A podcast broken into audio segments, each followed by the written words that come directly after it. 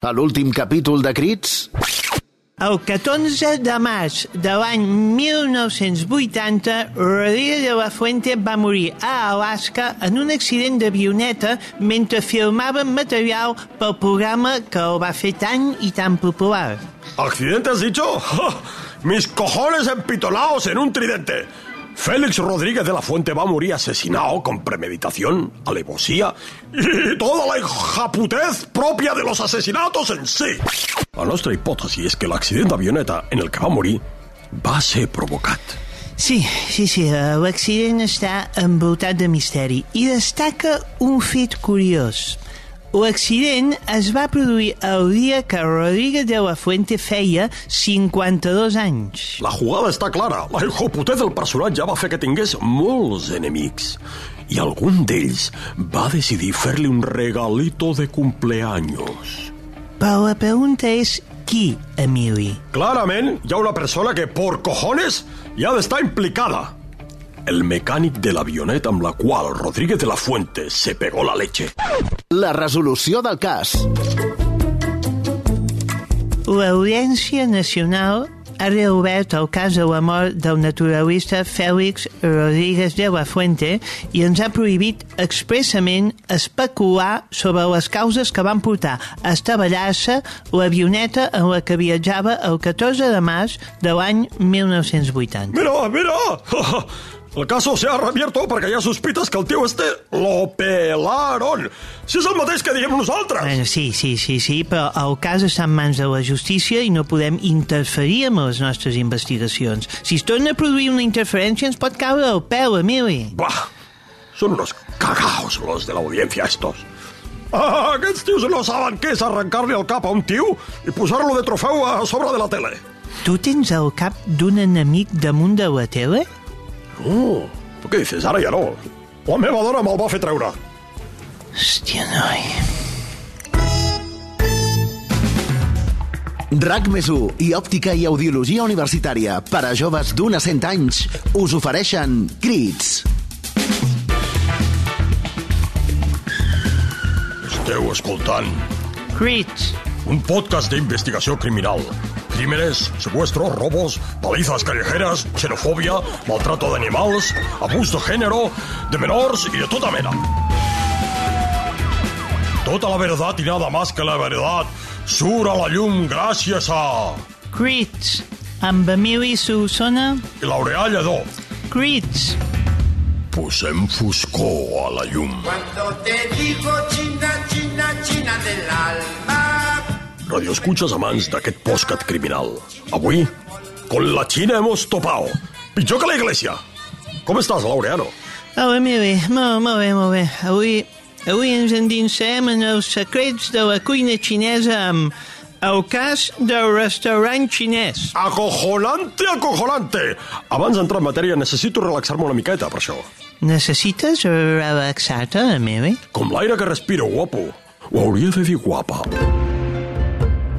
Digue'm que em vulguis. Jo sóc la teva fantasia. Mm, me gusta, me gusta. Què m'ofereixes, guapíssima? Massatge tailandès amb els peus. Pujaràs a sobre la meva esquena, pequeño colibrí? No, sobre els teus ous. Oh, eso va a doler. Un huevo! A fantasia asiàtica i el humor sabem què és el que t'agrada. L'algoritme no enganya. Oh, me has pillado, malandrina! Y más que te pillaré. Sí, ponme ya las esposas, quiero ser tu cenicero. Encara no, primer et penjaré de les tetites. Uy, ya las tengo duritas. Fantasia asiàtica i el humor. Els teus desitjos només els sé jo. ¡Ay, ay, ay, ay, ay, cómo me gusta!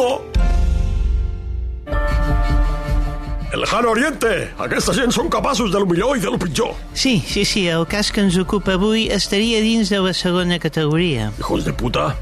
No, no em vull avançar. Explica, Laureano. Posa el respetable en antecedentes. La setmana passada, un comensal del restaurant xinès El pato vaqueado feliz fundar siglo XXI y estar en el cerdo agridulce nos gusta. Amb aquest nom, Bueno. què pots esperar? Sí, sí, sí, és un nom molt, molt, molt fluix, amb, molt, amb molt poca vista comercial, però bueno. Restaurante Paraíso. Coño, a- això seria un nom bonic, ja està. I, ta- I tant, i tant, i tant, sí. Bueno, però segueixo per no perdre el fil. Mm. Un comensal, deia, del citat restaurant xinès va ser obligat a menjar un plat que no havia demanat.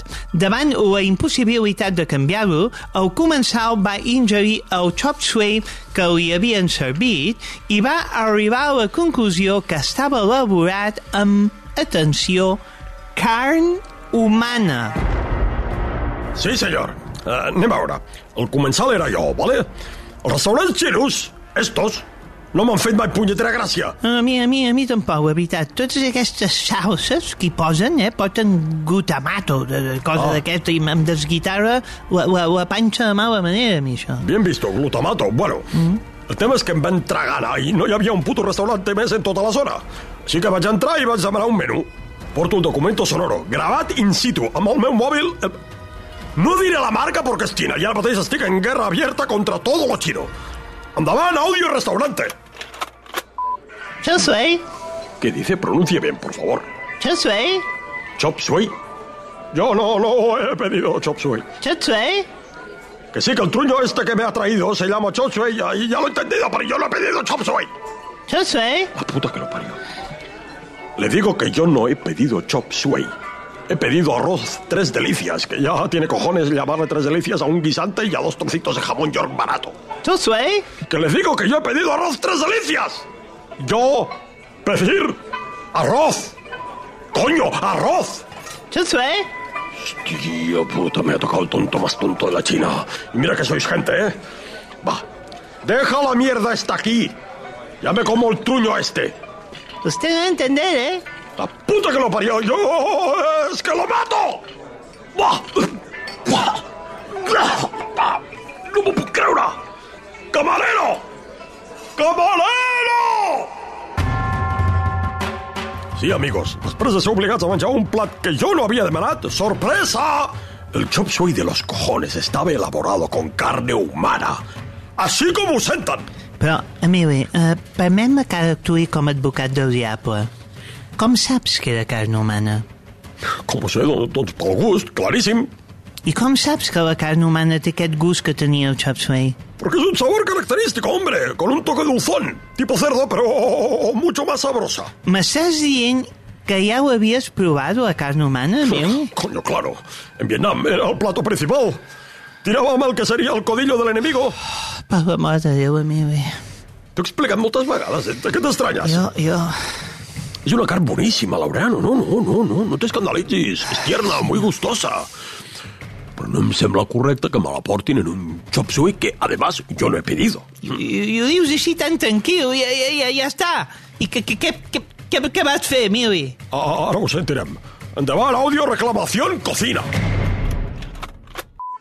¡Camarero! Què quiere? ¡Denunciarles! Eh, ¡Esto es lo que quiero! Denunciar, denunciar, eh? No, no, te, no tenemos denunciar, eh? No, denunciarles no es un plato. ¡Denunciarles! Es el puro que les va a caer cuando lleve a analizar el chop suey este que me han traído. Chop suey. Esto, esto está elaborado con carne humana. Riquísima, cierto, pero totalmente prohibida aquí en nuestro país. Esto es un delito de cojones. Cojones. No, no tenemos cojones. Chop suey. Dígale al cocinero que venga, por favor. Cocinero. Cocinero, cocina. Sí, cocinero cocina, butanero butano.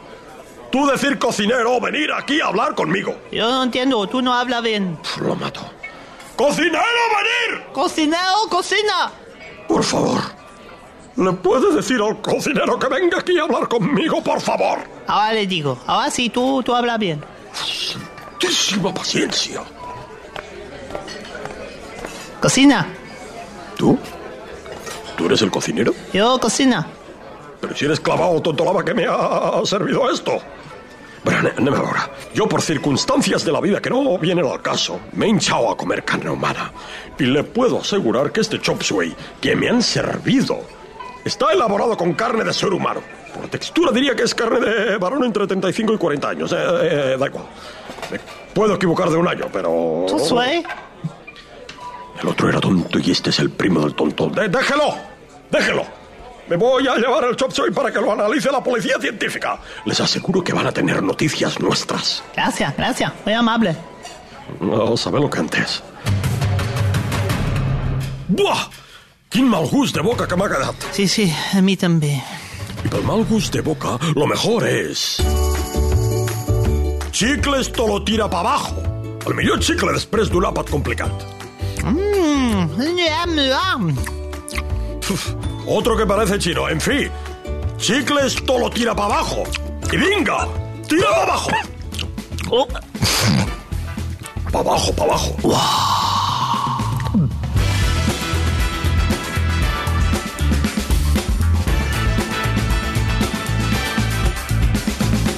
I fins aquí aquest capítol de... crits, Si voleu saber la resolució del caso, the crits. Exactament.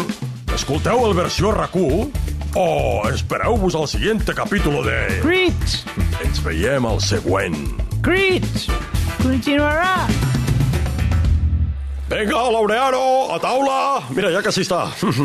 Que és, mm. que és cuinat de mi, avui fa molt, molt bona horeta, això, eh? Sí, és com un pollo las, però en plan gran. Estic aquí dándole vueltecitas. Mira, mira, espera, tira una... Passa'm a l'oli aquest. Sí. Aquí una mica de suquillo. Espera que lo destapo para que lo veas. ¡Tachán! Però això, això, això què, què és, Emili? un vietnamita, es un Charlie, es un, es un puto cabrón de cuando estaba yo en Vietnam en la guerra, que luchaba contra Suposo, nosotros. Emili, Emili, Emili, és, és, un, és una broma. O sigui, vull pensar que m'estàs fent una broma perquè jo faig ai, ui, ui, ui, i de- és, és una broma, Emili. Laureano. Però com, com po- pots dir que estàs cuinant una... una... Una persona, pues mira, aquí la tens. Mira com de voltes. Ah, Mira que Ah, Ah. No patates. vull mirar això, Emili. No et preocupis, este era, era, era un asesino cabrón, home. Això és legal, això... Com, Eh, eh, què, què ho tenies amb, amb una nevera aquí, Emili? Lo tenía congelado, lo he congelado durante molts anys porque como me gustaba la carne humana durante la guerra, pues vaig dir, mira, me voy a guardar un tipito de estos, me, me lo congelo, uno de estos que yo me he pelado, uno de estos que ha intentado matarme, lo congelo, y después eh, hay que hacer como el pulpo, porque en la guerra estás molt tens, llavors cuando te matan en la guerra te quedas ahí como, como duro. Déu, però... Després has de fer com el pulpo gallego, l'agafes, el congeles, el treus, el descongeles, li fots garrotada para que se, se suelten la- les fibres i lo vuelves a congelar. I l'he tingut, pues mira, 40 anys, mira, ara l'he tret, en una actuació espacial, para celebrarlo contigo. Mira, que et talli un trosset. Mm. És, és, és bo, això. Tu mateix? Serveix ta? A Ah, porta. Està bueno, eh? Mm. Oh, Sí que és... Sí que és dolcet. Está rico, eh? Ai, podrit! Bienvenido a la vida! És que cada dia es descobreix una cosa nova, eh? Talla'm una mica més d'aquí de, del De codillo. la cuixa? de- eh, sí, Del de- codillo, el codillo. El codillo està molt bé. RAC més 1 i Òptica i Audiologia Universitària us han ofert Crits, un podcast que compta amb els actors Xavier Bertran i Cesc Casanovas com a protagonistes i Salva Coromina fent el disseny de so. Als 20, als 40, hi ha una edat per cada cosa. Una edat? Hi ha una edat per ser jove i una altra per deixar de ser-ho? Quan has de deixar de somiar?